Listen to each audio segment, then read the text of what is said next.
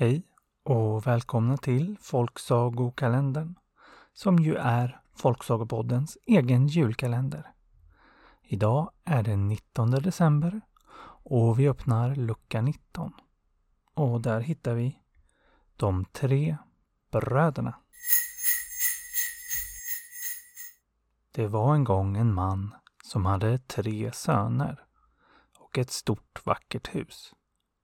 Men han hade inte så mycket mer. Det stora huset hade han bara för att han hade ärvt det. Och det hade varit del i hans familj i många år. Så han ville inte sälja det. Men han ville ändå ge sina söner ett rättvist arv. Och han grunnade på vem av sönerna som skulle få huset. Till slut så kom han på att han skulle ge dem en utmaning. Och han samlade sina söner och sa åt dem att ge sig ut i världen och bli mästare i ett yrke. Och den som blev den skickligaste mästaren skulle få huset. Den äldste sonen, han bestämde sig för att bli barberare. Mellansonen, han skulle bli smed. Och den yngste sonen, han skulle bli fäktmästare. Så gav de sig iväg. Och det kom sig så att alla tre lyckades få bland de skickligaste mästarna som fanns i hela landet att träna under och de blev snart skickliga som få på sina yrken. Och snart var det tid att bege sig tillbaka till sin far, som nu hade hunnit bli gammal och nog snart skulle dö. Och de skulle visa vem som var skickligast. Den äldste sonen skulle börja. Och han pekade på en hare som kom springande. Och så tog han sin rakkniv och sin rakkopp. Så sprang han ikapp haren och swish swosh så hade han rakat harens mustasch utan att haren saktat ner eller fått minsta lilla skråma. Pappan och de andra två bröderna blev djupt imponerade och pappan sa att det där var minst sagt värt ett hus, men vi får se vad dina bröder har lärt sig. Mellanbrodern, han väntade istället tills det kom en häst och vagn åkande i full galopp.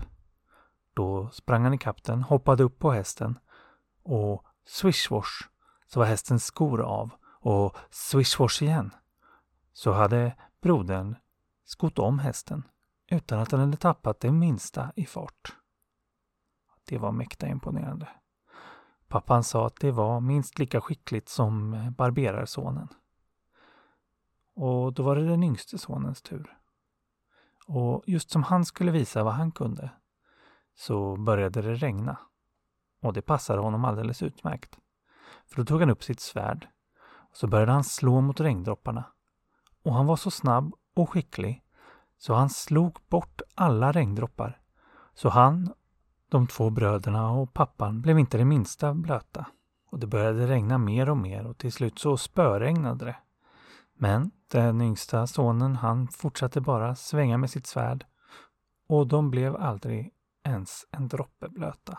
Pappan var återigen mäkta imponerad och sa att han behövde tänka efter vem som egentligen var skickligast. Så han bjöd in sina söner att bo med honom i huset tills han tänkt färdigt. Men eh, tiden gick och pappan kunde inte bestämma sig. Utan till slut samlade han sina söner och sa att de nog får ta och dela lika på huset alla tre.